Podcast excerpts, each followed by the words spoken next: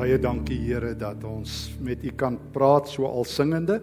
En dankie Here dat U die Here is wat ook op die lofliedere van die volk reageer. Dankie dat in die hemel U dag en nag besing word en dat ons al reeds kan oefen vanaand en sommer ook in die week wat voorlê met ons lewe om in U ewige kore vol vreugde te dans en te jubel. Dankie dat ons ander musiek kan sing as wat ons dikwels rondom ons hoor. Dankie Here dat ons nie haatliedere hoef te sing en bitter musiek en hooplose musiek nie. Dankie Here dat ons nie op pad is na nêrens heen nie, maar dat U die lewende God met ons onderweg is. Breek vanaand U woord so met ons dat ons harte diep geraak sal word. Maak U woord regtige woord van lewe. Ons vertrou U daarvoor in Jesus se naam. Amen staan vanaand stil by Markus hoofstuk 2 uh, vers 1 tot 12. Vanaand uit die Here se woord ehm um, is hierdie teks op ons radarskerm. Ek wil graag vanaand 'n kort verhaal mee begin. Ek wil saam met jou nadink oor foute. Ek wil saam met jou dink oor 'n dak wat breek. Ek wil saam met jou nadink oor die hemel wat skeur en ehm, 'n um, werklikheid wat verander. Kom ons begin by 'n storie.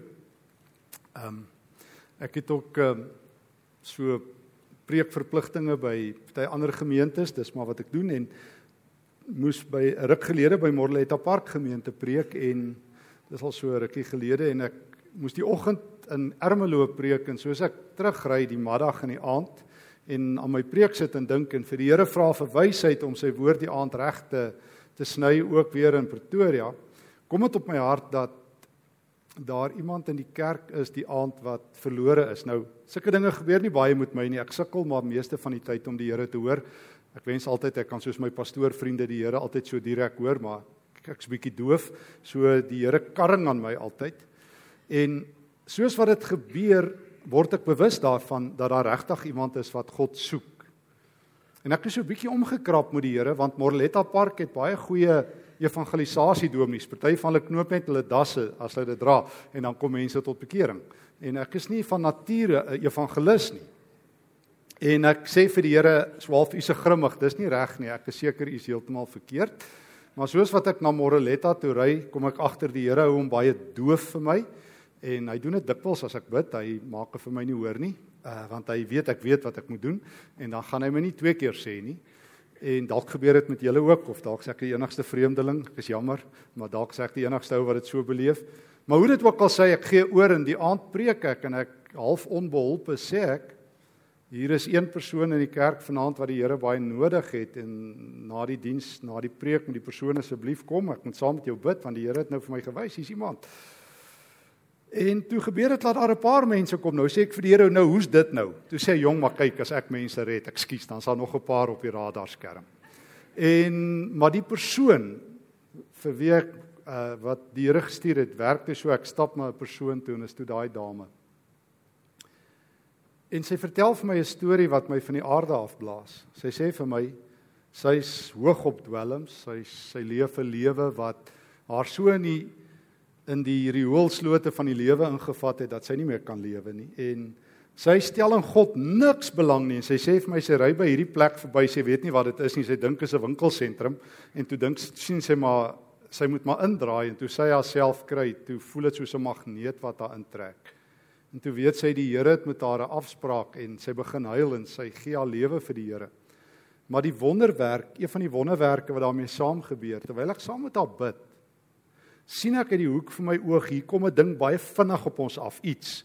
En ek dink net hierdie beweging en ek sien in een oomblik dis Pine Pinaar hy was 'n ou lugmag vegvleien hier en ek dink as Pine nie rem nie is ons al drie in die ewigheid voordat dit ons tyd is. En Pine gryp hierdie jong meisietjie en hy tel haar op en hy begin met haar dans. En hy hou haar so in die lug en hy sê welkom in die koninkryk van God welkom in die koninkryk van God. En dit het my beeld geword van die vreugde as iemand gered word. Want ek het so gewoond geraak aan die Here en ek dink 'n klomp van julle ook dat ons amper nie meer verwag God doen iets groots nie. Jy kom maar kerk toe en jy gaan weer huis toe. Die ergste wat met jou kan gebeur is dat jy dalk um, dalk op pad huis toe 'n um, um, verkeerskaartjie kan kry, maar die kerk is nie baie gevaarlik nie. Ek sien nogal hier voor staan iets anders. Uh dis baie gevaarlik en daaroor is ek baie bly. Want die Here se woord het die vermoë om mense se lewens te verander. En die vreugde wanneer God iemand aanraak. God sal partykeer duisende mense laat saamkom by 'n diens sodat een persoon gered kan word. Ek weet daai aand het God net vir een persoon die boodskap gehad. Die ander mense was maar net daar vir spasievullers om haar veilig te laat voel. Maar God gee so baie vir 'n individu om. Dis ons eerste punt. God hou van individue. Ek het myself al die vraag gevra.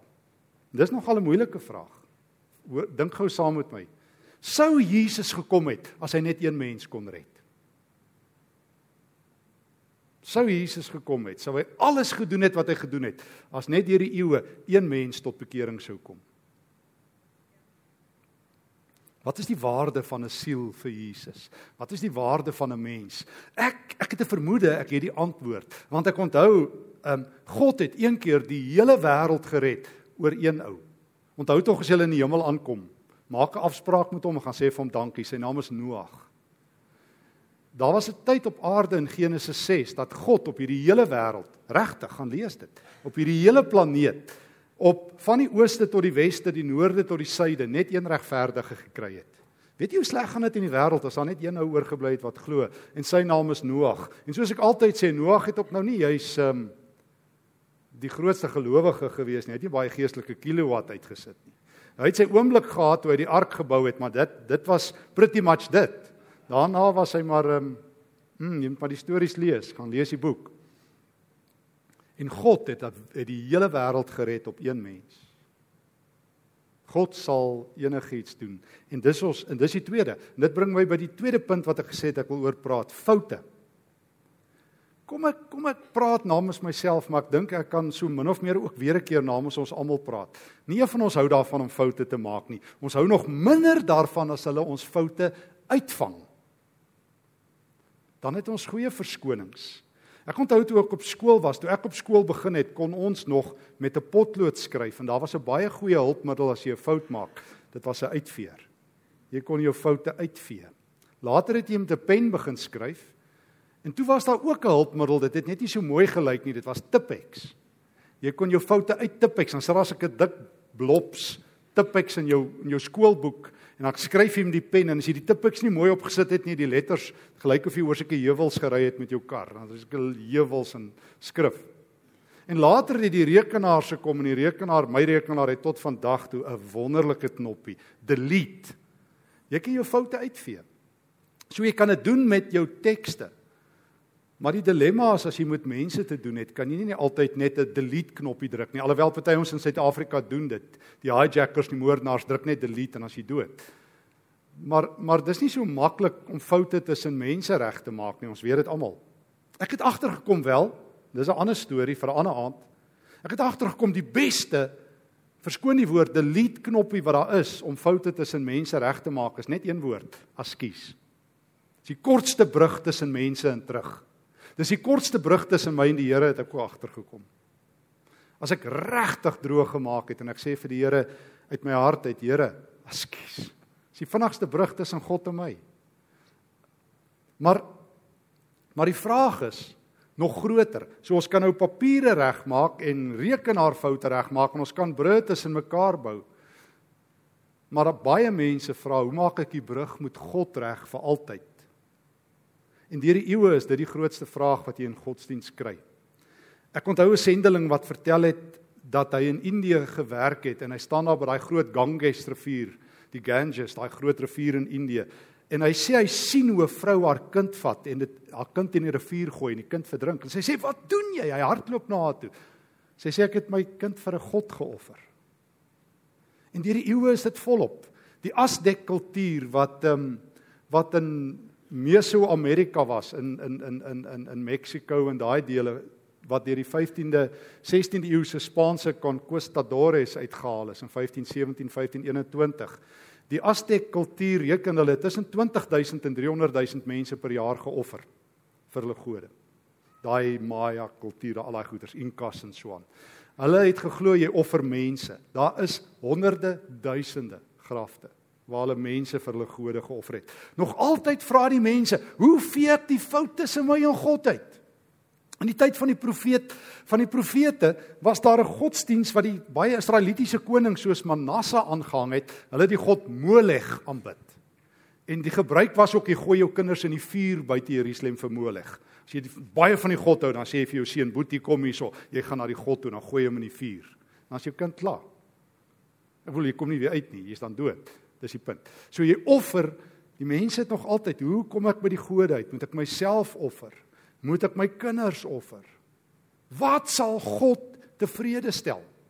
As ons 2000 jaar terug in die Romeinse ryk geleef het. Dit was die gebruik die ou groot kerkvader Tertullianus skryf in die 2de eeu in sy boek Apologia dat ehm um, dat as daar iets in die Romeinse ryk verkeerd gaan dan sê hulle is die Christene se skuld. Daar was 'n standaard uitspraak in die 2de eeu na die leeu toe met die Christene. Want as daar droogte is, dis die Christene. As die Nylrivier nie goed genoeg water het nie, dis die Christene. As die Tiber in Rome te leeg is, dis die Christene. Daarin sê die mense nog altyd 'n vraag, hoe paai jy die gode? Nou, ons derde en dit bring ons by ons teks. Sê nou die vraag is andersom. Sê nou God vra, hoe kan ek by julle uitkom? Sê nou die vraag is nie vriende, hoe kom ek by God uit nie? Sê nou God is nog meer bekommer om by jou en by my uit te kom as wat ek is om hom te vind. Want ek dink nie mense is sulke groot soekers na God soos wat ons altyd dink nie. Ehm um, dit was 'n gebruik in die 90er jare om van kerke te praat as seeker sensitive churches. Maar ons is nie sulke groot soekers nie. Ons sê ek dink ons is beter wegkruipers. Ons het by Adam geleer, jy gaan kruip vir God weg. So God is op 'n soektog. God is op 'n soektog. Hy kan ons foute nie vat nie. Hy kan ons probleme nie vat nie, maar God wil by ons uitkom in Markus 2. Dis 'n aangrypende teks hoe dit gebeur. Dis vir my een van die mooiste stories in die hele Markus Evangelie. Kom ons lees. Toe Jesus 'n paar dae later weer in Kapernaum kom en ehm um, ek is mal oor Kapernaum. Kapernaum en Wittenberg is my twee gunsteling plekke buite Suid-Afrika op die aardbol, want mense kan vandag nog in Kapernaum sit en dis hierdie klein dorpie en Jesus het 3 jaar daar gebly. 3 jaar in hierdie klein spasie. Nou sê hy daar by die huis en dit is Petrus se woonhuis waar Jesus uh, gebly het baie mense daar saamgedrom sodat daar selfs nie meer 'n plek was nie. Hy was besig met hulle oor sy boodskap te praat. Daar kom toe mense wat 'n verlamde man na hom toe bring. Vier van hulle het hom gedra. Toe hulle hom weens die gedrang nie by Jesus kon kry nie, breek hulle die dak reg bokant hom oop en nadat hulle opening in die dak gemaak het, laat hulle die draagbaar waarop die verlamde man gelê het daardeur afsak. Toe Jesus hulle geloof sien, sê hy vir die verlamde: "Vriend, daar staan letterlik in die Grieks: Kind, jou jou sondes word vergewe. Maar sommige van die skrifgeleerdes het daar gesit en hulle self afgevra: Waarom sê hy so? Hy praat godslasterlik. Wie kan sondes vergewe behalwe God? Jesus het dadelik geweet dat hulle by hulle self so redeneer. Hy sê toe vir hulle: "Wat redeneer julle by julle self hieroor? Wat is makliker? Om vir die verlamde man te sê jou sondes word vergewe of om te sê: Staan op, vat jou draagbaar en loop?" Maar ek gaan nou vir julle bewys lewer dat die seun van die mens volmag het om op die aarde sondes te vergewe. Hy sê toe vir die verlamde man: "Ek sê vir jou, staan op, vat jou draagbaar en gaan na huis toe." Hy het opgestaan, dadelik sy draagbaar gevat en voor die oë van almal uitgestap. Hieroor was hulle almal verbaas en het God geprys en gesê: "So iets het ons nog nooit gesien nie." Is dit nie aangrypend nie? Onthou ons verhaal. Um Wat is die waarde van een mens? Sal Jesus vir een mens kom? Foute. Hoe kry mens foute uit die pad? Kom ons kyk of ons hierdie kolletjies kan konnekteer na hierdie verhaal toe. Jesus is in Kapernaum in Petrus se woonhuis. Hy preek nie in kerk en hy preek in die woonhuis en die van julle ouens wat al daar was en ek weet hier's 'n paar mense vanaand wat al daar was. Dis 'n klein Petrus se woonhuis sal hier op die verhoog aangepas het. Uh mense kan vandag nog die murasie sien. Trouwens, ek ek vat altyd mense, hulle het nou 'n kerk reg bo kan dit gebou. Die Katolieke, want dit is 'n Katolieke plek. Daar's 'n kerk reg bo kan Petrus se woonhuis gebou waar hierdie episode afspeel. En ons kan so 80-90% seker wees die argeoloë is daar met 'n glasbodem. So jy kan op die hoogte amper sit waar hierdie toneel afspeel. Dis aangrypend ouens. Om doen jouself eendag die gun, spaar al jou geld en gaan kyk net een keer in Kapernaum. Sien jou lewe verander. Maar gaan saam met iemand wat verstaan wat daar aangaan. Hierdie ander gidse gaan jou net daardeur jaag en dan 1 2 3 blok myself as jy weer daar uit. Maar maar doen moeite om daar te gaan sit vir 'n uur of twee. Lees alles op Kapernaum op. Dit sal jou wegblaas. En en dan sit ons altyd daar en dan lees ek hierdie storie vir die mense. Hoe daai ou hier deur die dak, jy kan daar op die hoogte staan, ek sien daar's die huis. Breek hulle die dak oop. Dis nogal dramaties, né? Dis nogal dramaties as 'n ou huis se dak oopbreek. Nou mense moet onthou dis nie teeldakke nie, dit is die ouens het hulle huise se dakke gemaak van riet en dan Kapernaum en klei en modder. Uh het hulle dit baie stewig verpak. Maar feit is, as jy daar onder sit in die huis en net hier bokant jou so sê nou maar die gemiddelde huis se hoogte 3 meter, hier bokant jou begin ouens die volgende keer dak breek. Ek vermoed Jesus het meer as een genesingswonder daai dag gedoen. Jy sit nie daar en sê oeps, nou breek hulle die dak nie. Die eerste ding wat gebeur, dan val hierdie massa goeters op jou af. Daar val riete, stof, stukke dak. Dis chaos om 'n huis se dak te breek in enige omstandighede. So ek kan vermoed almal is ontstel. Petrus, sy vrou, die disippels, dis bietjie konsternasie in die huis. En ek is seker die ouens kon gesê het kon hulle nie maar net geklop het nie. Dit is veel makliker as om die dak af te breek. Maar hulle kan nie wag nie. En niemand wil spasie maak vir 'n stikkende ou wat min of meer useless is nie want hy lê bedraagbaar. Want hulle weet, bring jy nou 'n ou met 'n draagbaar in die huis en moet omtrent 30 mense uitstap, 20 mense uitstap. So jy wil nou nie spasie maak vir 'n ou nie. En dan breek jy die dak oop. En hier is die ding. Hier is die ding, die oomblik as daai ou deur die dak afsak, dan stop Jesus, dan sê hy vir die ou, "Kind, jou sondes word vergewe." Is dit nie aangrypend nie? Maar dis nie waarvoor sy vriende hom gebring het nie.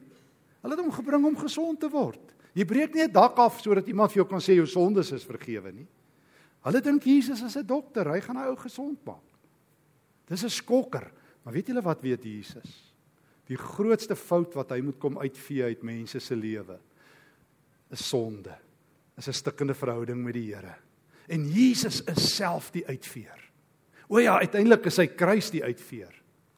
Maar Jesus is self die uitveer. Hy het gekom om die om met 'n uitveer mense se lewens skoon te maak, om met hemelse tipex nee nog meer, om die delete knoppie van die hemel te druk. Want weet jy wat? Weet jy wat? Oor ons elkeen het God 'n boek. Hy sê dit. Hy hou boek van alles. Hy weet van almal. Hy moet, hy dokumenteer die wêreldgeskiedenis. As ons eendag by God kom, hy het al die biljoene mense wat al geleef het en die 7,3 biljoen nou op die aarde ook. Hy het ons almal se data. Die hemel hou goeie statistiek. En daar's 'n boek van die lewe en dan staan ook die boeke van die werke. En Jesus het geweet hierdie ou se grootste probleem is nie dat hy lam is nie. Ons grootste probleem in die lewe is nie ons siekte nie, al dink ons so. Jesus is nie in die eerste plek 'n dokter, 'n hemelse spesialis nie. Wat sommer eendag ry doen en die volgende dag o en die volgende dag nierprobleme en alles nie. Jesus het gekom om een mens in Kapernaum te red. En dis 'n lam man en hy het nie geweet wat is sy probleem nie. En miskien is dit dalk van ons ook. Ons weet nie wat ons regte probleem nie, maar Jesus weet. Dalk is ons almal op ons eie maniere vlugtelinge, maar Jesus is altyd vinniger. En dalk is ons almal op 'n manier stikkend, maar op 'n manier gee Jesus vir ons om op maniere wat ons nie kan verstaan nie. So toe daai man sak, toe sê hy: "Ouens, weet julle wat is 'n eintlike probleem?" Daar's 'n doodsvonnis teen hierdie ou in die hemelse boeke. Daar's 'n doodsertifikaat teen sy naam. Ek kan dit nie vat nie. Ek kan dit nie vat nie. Ek het gekom dat mense kan lewe hê, dat hulle kan dans met daai een persoon wat gered word. Ek het gekom dat die hemele sal skeur. En dis wat Jesus gedoen het. Hy kom aarde toe vir een ou in Kapernaum. En ek wil altyd sê as ek in Kapernaum is, regtig, Jesus, kon nie 'n beter plek gekies het nie? Ek bedoel Kapernaum is is 'n een is 'n one horse town waarvan die perd dood is. Jy wil nie soontoe gaan om te bly nie. Jy wil nie eens op vakansie daar gaan hou nie, daar's niks en dit hou die hele tyd aan. En nou nou kom Jesus, maar hy gee om vir die nobodies in Kapernaum. Vir die verlore mense. En as hy ou bedraagbaar lê, is hy nog sieker as wat hy dink. Hy's in 'n intensiewe eenheid. Nee nee, hy's al reeds in die in die in die in die in die dodehuis. En Jesus stop en sê, Dis reg. Oeg, die godsdienstige is so kwaad, hulle kan iets oorkom. Hulle ontplof. Hulle skree, "Wie dink hierdie man is hy?" En Jesus sê, "Ek weet wie ek. Ek dink nie net wie ek nie, ek's die seun van die mens." En as jy Markus nou goed ken en ek weet die gemeente loop bietjie deur Markus, gaan lees dit. Van Markus 8 af. Jesus gebruik daai term 15 keer vir homself. En van Markus 8 af sê die seun van die mens kom om sy lewe af te lê. Die seun van die mens kom om die hemel te skeer, want raai wat? Daar's meer as een mens van wie Jesus hou. Hy's op meer as een mens se hake. Hy's op jou hake en op my hake. En hy sal waaragtig enigiets doen al moet hulle 'n dak breek bo kant hom En al al dink die vriende hy gaan nou 'n wonderwerk in die eerste plek doen, is die grootste wonderwerk wat hy doen om die hemelse boeke reg te stel. My vriend Pine Pinaar het dit verstaan, daarom het hy gedans daai aand. Pine dink ek dalk oor hom vertel toe hy in die lugmag gevlieënier was, was hy so rof, sy familie het my vertel, hulle het geweet nie eens die Here kan hom red nie. Hulle Pine het altyd gesê sy beste vriend was Johnny Walker, maar hy sê hulle het nie gestap nie. Onthou Johnny Walker se lees het hy vir my gesê keep on walking, hy sê hulle het gedraf hulle twee. En toe red die Here hom. So hy weet wat dit is as jy diep geval het. Hy weet as jy so diep geval het, laat net die Here jou val kan keer. Miskien weet jy dit ook. As jy so ver geval het dat daar nie meer 'n valskerm in hierdie wêreld is wat jou kan keer nie, wat jou kan rem nie, maar Jesus kan sy hande onder daai ou inkry en hy sê kind, jou sondes is vergewe. Hoor hoe mooi praat Jesus met hom. Hy sê nie, nou wat het jy aangevang met jou lewe, boetie? Nee, hy sê, my kind, Jy's nou 'n kind van God. Die taal het verander. Jy's nou in die hemelse boeke. Daar's 'n lewensdokument in jou naam. Daar is 'n nuwe inskrywing in die hemel. Daar's 'n nuwe aanbouing. Daar's 'n nuwe kamer vir jou gemaak. Jy is God se. Net om dit vir die godsdienstige leiers te wys wat stik in hulle woede, sê hy, "Nou wat is die moeilikste om vir die man te sê staan op en loop of hom te sê jou sondes is vergewe?" Strikvraag. Wat sou jy gesê het? as Jesus dit vir jou vra. Ek dink dit sal vir my makliker wees om te sê jou sondes is vergewe want nou nou staan hulle nie op en loop nie. Maar vir Jesus is dit andersom. Vir Jesus is dit andersom. Hoor mooi vriende, Jesus het nie in die eerste plek gekom dat mense net kan gesond word nie. Mense gaan maar weer dood. Dis die punt wat Jesus maak in Johannes 6. Hy sê Moses het vir julle brood in die woestyn gegee en waar's al daai mense? Hulle is nou dood. Maar julle wil nie die brood hê wat ek gee nie. Dis lewende brood. Julle is net bekommerd oor aardse brood. Julle is net bekommerd oor julle staf en Jesus moet julle net seën. Hy moet net julle behoeftes bevredig, maar Jesus is nie in die consumer godsdiens besigheid. Hy is nie 'n one-stop religious shop nie. Wat net vir jou, jy sê wat jy nodig, hy gee dit, gaan jy aan met jou lewe tot jy hom weer nodig het, dan stop jy gou weer by sy winkeltjie en dan moet hy weer vir jou gee nie. O nee, Jesus gee lewe. En dan doen hy lewe saam met jou, maar om te bewys dat hy lewe in volheid gee laat hy die man opstaan en hy doen nog iets.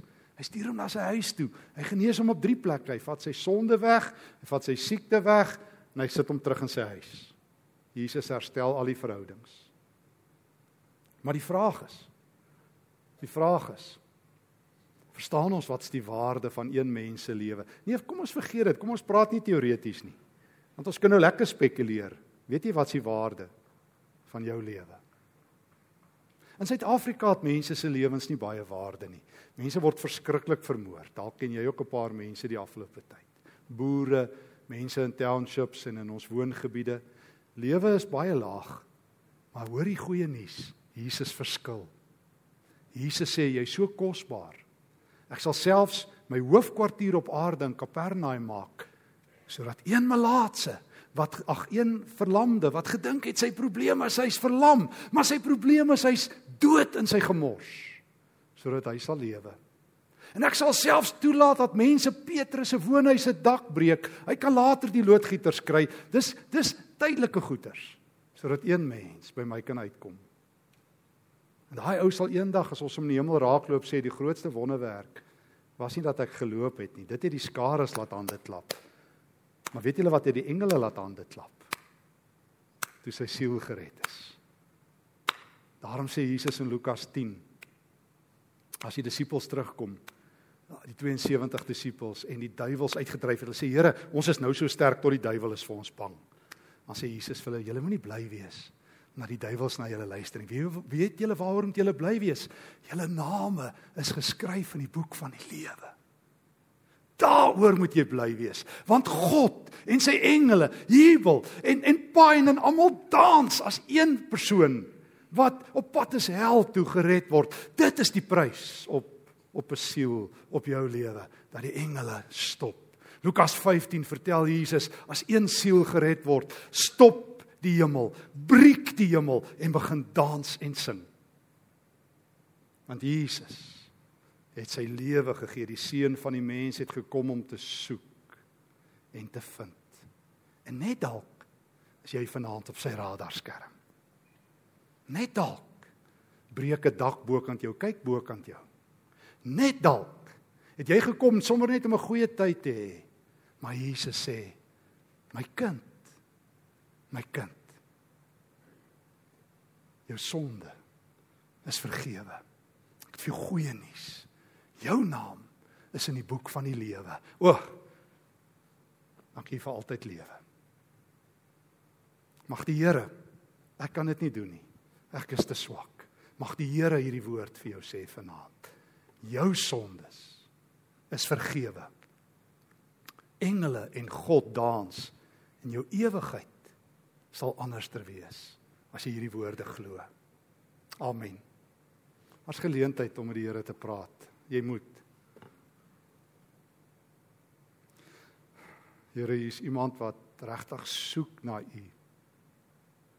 Dankie Here dat dat U die dak breek, dat U die hemel skeur en dat een mens kosbaarder is as enigiets anders. U sal ons almal hier laat saamkom om vir een mens vanaand te sê, my kind, ek het vir jou betaal sodat jou naam nie 'n doodsertifikaat kry in die hemel nie, maar die ewige lewe. Dankie Here Jesus dat U gekom het om te soek en te red. Dankie dat U dit nou doen. Dankie Here dat U 'n gebed gehoor het wat skree. Dat U ons elkeen se gebed gehoor het wat sê Here, hier's ek ook. Here, ek is vol foute en vee net weer dit vanaand uit asseblief. Here, ek is ek is die een wat uitblink in mislukking en in val in die modder en wat bietjie 'n verleentheid vir U is. O Here, Wil jy net vir my vir my ook vanaand genade hê? Wil jy net asseblief vanaand met my ook oor en voor begin? Gee my nog 'n kans, Here. 'n Kans om te skitter vir U soos 'n ster in die hemel. 'n Kans om my liggie te laat skyn sodat Jesus verheerlik kan word. Here, maak nie saak waar ons is vanaand nie. Ontmoet ons. Moet net nie laat ons vanaand hier uitstap en ons het nie gehoor dat U met ons praat nie. Asseblief Jesus, doen dit as ons dit pleit in U naam. Amen.